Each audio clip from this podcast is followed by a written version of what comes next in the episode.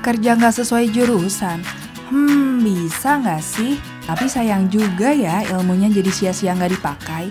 Episode Belajar Startup kali ini mengundang seseorang yang akan mematahkan prinsip tersebut dan punya pandangan lain terhadap kerja tak sesuai jurusan. Penasaran nggak sih? Langsung aja yuk!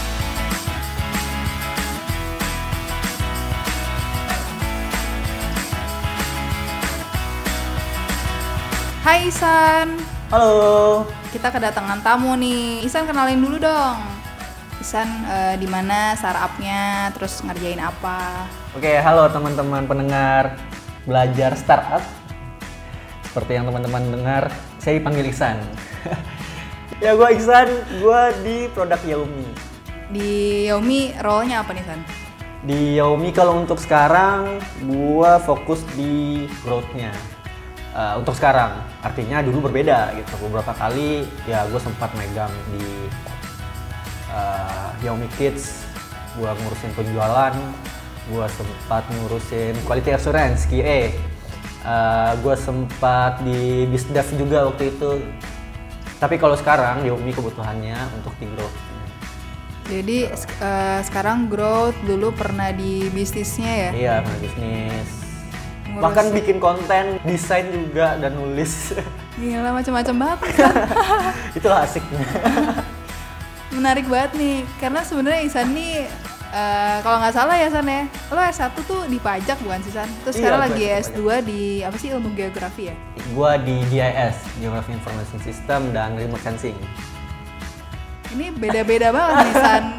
Pajak, terus Ah, ah. tiba-tiba belajar ke geografian, terus Oke. ke startup. Oke. Tadi ngerjain macam-macam bisnis, bikin konten, desain. Oh iya, kalau untuk ilmu di perkuliahan dan apa yang gue kerjakan sekarang di Xiaomi sendiri memang berbeda.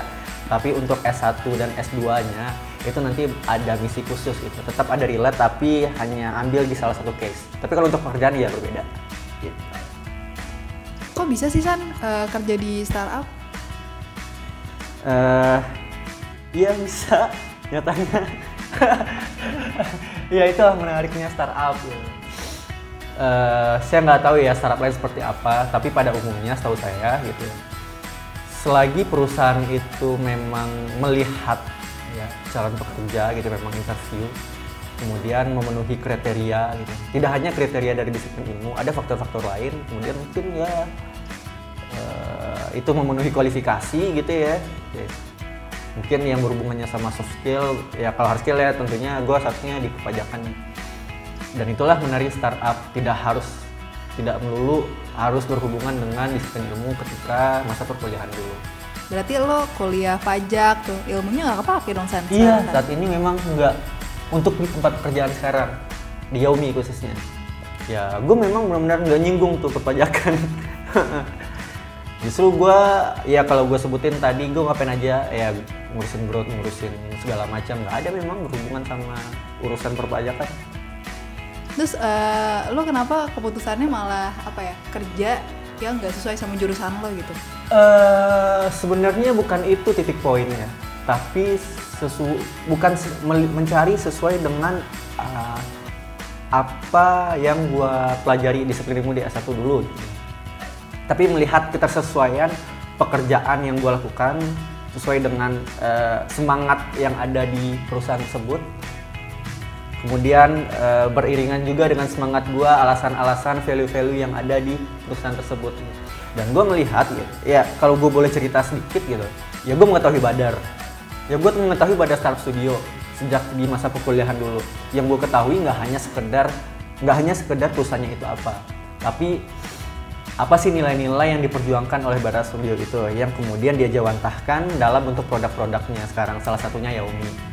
Nah dan secara sadar gitu, gue tertarik dengan nilai-nilai yang diperjuangkan. Mungkin kalau ngomongin nilai bakal panjang ya. Ya intinya yang sesuai, yang align dengan ya salah satu misi yang diangkatnya, yang diangkat oleh Badar Studio adalah menciptakan 10 juta kebaikan di tahun 2020. Bentar lagi nih. Eh, ya, gue melihat misi itu nilai yang mau dibawa itu memiliki kesesuaian sama gue. Dan gue bukan melihat apa ya kesesuaian jurusan gue dulu gitu. Memang pada awalnya gue mencoba belajar, tapi masuk di Badar Sub Studio, ih kecebur ternyata banyak yang nilai yang ternyata jauh dari ekspektasi gue. Lalu kemudian culture yang ada di perusahaan ini, lalu kemudian apa sih yang kita perjuangkan, dan akhirnya gue bertahan sampai sekarang.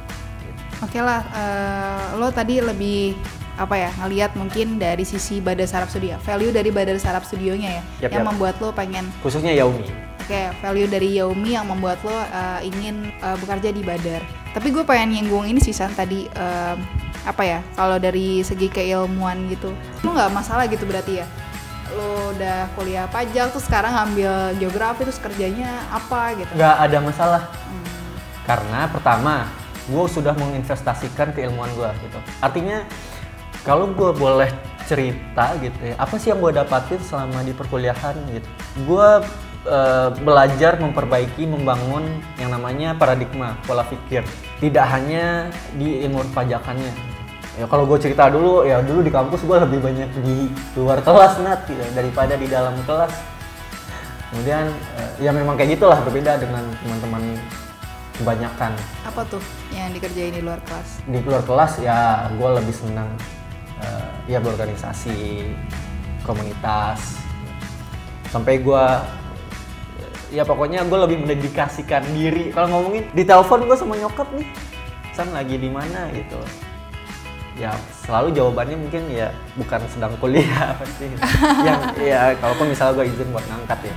Tapi memang lagi di luar oh misalnya lagi rapat lah lagi segala macam gitu uh, yang gue pelajari lebih ke ya nilai-nilai yang di luar kelas. Berarti lo perpajakan gak kepake dong ya? Ya mungkin berpikiran juga ya terus buat apa gue kuliah gitu? Pajakannya enggak.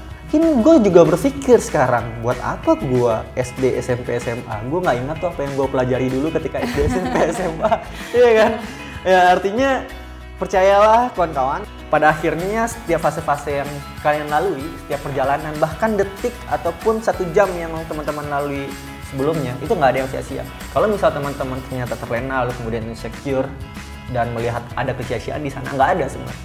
Ya bahkan kita sekarang ini adalah akumulasi dari apa-apa yang telah kita lakukan sekarang. Dan percayalah ya itu adalah skenario terbaik dari apa yang kita punya sekarang. Pada dasarnya yang gue dapatkan adalah ya paradigma cara berpikir. Pola pikir selama masa-masa perkuliahan. Itu yang gue dapatkan dan itu sangat-sangat berguna sih menurut gue gitu. Bagaimana lu melihat buah apa ya sebuah hakikat bisa berat banget ya lu melihat bagaimana suatu persoalan gitu ya, bagaimana lu melihat orang gitu. Nah ternyata ini juga diperlukan juga di startup, bagaimana melihat orang, ini ngomongin user ternyata. Bagaimana lu melihat persoalan. Persoalan ini ya bermacam-macam nih persoalan yang gua temui. Ya persoalan tentang manusia lagi-lagi ya, lingkungan, konflik, apa sih yang dibutuhkan orang itu. Eh ternyata ya startup pun berhubungan dengan user, berhubungan dengan orang. Gitu. Dan ternyata uh, ya cocok juga ternyata gitu. Dan gue memang secara pribadi ya gue lebih menyenangi hidup di luar di lapangan gitu ya. Bertemu dengan orang-orang juga. Dan mempelajari orang-orang itu. Ya pada akhirnya kalau ditanyakan lagi terus buat apa sih lu kuliah? Sekarang gue berpikir apakah hidup ini ternyata benar-benar harus linear?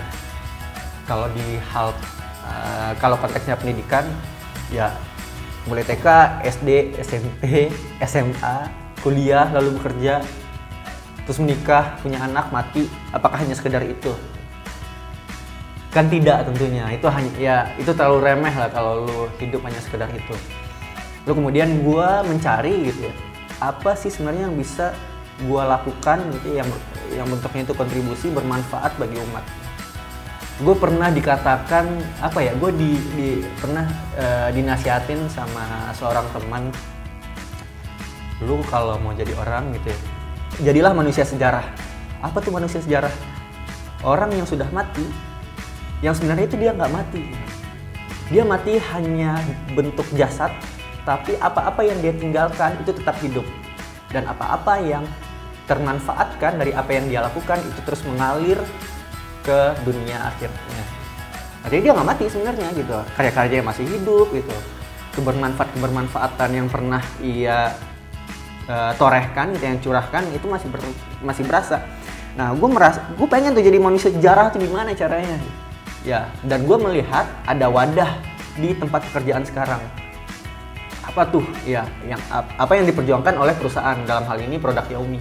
Dan gue melihat nilai-nilai yang diperjuangkan oleh Xiaomi itu sesuai dengan seharusnya dan sesuai dengan bagai uh, apa ya? Sesuai dengan apa-apa yang diperjuangkan oleh Xiaomi nilai-nilai yang diperjuangkan sama Xiaomi sesuai dengan apa yang gue yakinin. Dalam hal ini memperjuangkan Islam Xiaomi. Oke kalau gue simpulin berarti uh, ini ya lo tuh nggak mau kerja sekadar kerja tapi yang gue lihat di sini ya lo pengen berkarya gitu kan jiwanya tuh berkarya gitu kan hmm. ngasih value added gitu. Iya iya. Oh iya gue mau nambah juga nih Nat Jadi baiknya memang sebenarnya kalau gue posisinya nih di di pekerjaan gue sekarang memang memang sedang tidak fokus di salah satu hal baiknya sih memang kita sebagai pribadi punya spesialis di salah satu keahlian. Salah satu keahlian ya kalau misalnya kita kenal ada konsep T-shape gitu. Mana yang eh, teman-teman tahu kan konsep T-shape ya konsep T huruf T. Huruf T kan kebayang ya ada yang memang mendatar horizontal dan ada yang vertikal.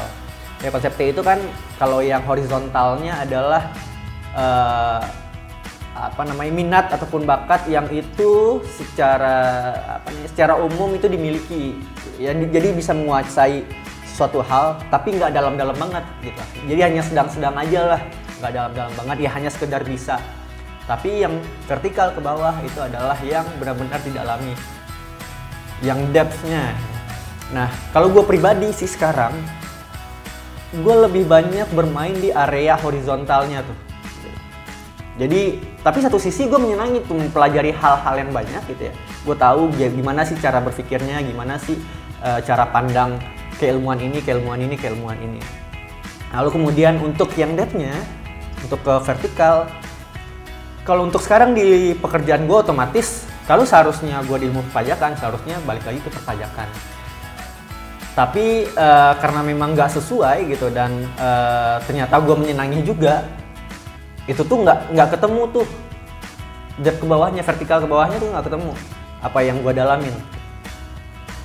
Uh, ya pada akhirnya harapannya teman-teman pendengar juga harus punya tuh apa sih yang teman-teman dalami. Nah ternyata gue sedang tertarik nih di salah satu keilmuan uh, apa namanya di di di sekolah gue ya. Gue sedang lanjut kuliah juga. Gue tertarik dengan bagaimana melihat suatu persoalan lagi-lagi persoalan tapi berbasis ruangan. Nah, gue mendalami itu. Tapi perpajakan menariknya gitu ya, perpajakannya nanti bakal ada satu yang gue masukin itu ya, itu di bagian uh, bumi dan bangunannya. Nah, gue sedang berusaha mendalami itu ya. Gue punya spesial. Jadi kalau orang ngomongin ruangan, kemudian ngomongin tentang uh, aspek bumi dan bangunan dalam hal perpajakan, itu ingat Ihsan. Nah teman-teman, teman-teman juga harus bisa mencari itu. Sama kayak gini teman-teman. Uh, teman-teman tahu Buya Hamka lah katakan. Uh, sama halnya seperti tokoh-tokoh bangsa. Teman-teman mungkin yang terdekat tokoh bangsa Indonesia ya, Buya Hamka lah katakan. Dia pahlawan nasional.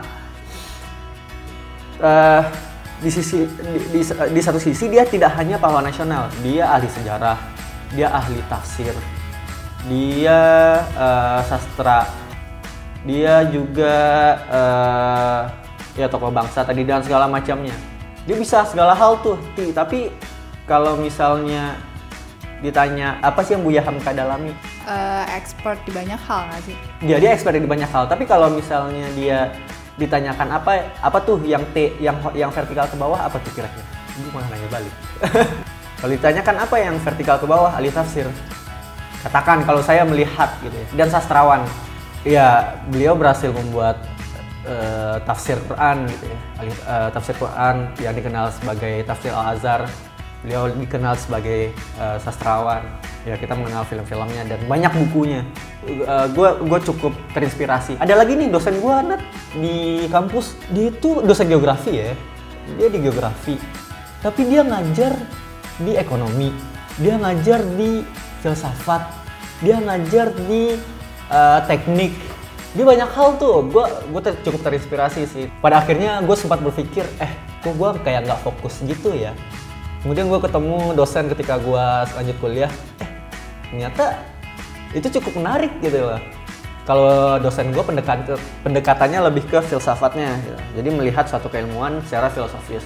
Ya itu jadi pembelajaran bagi gue gue pun juga suka melihat suatu persoalan dengan apa sih makna yang ada di dalamnya gitu.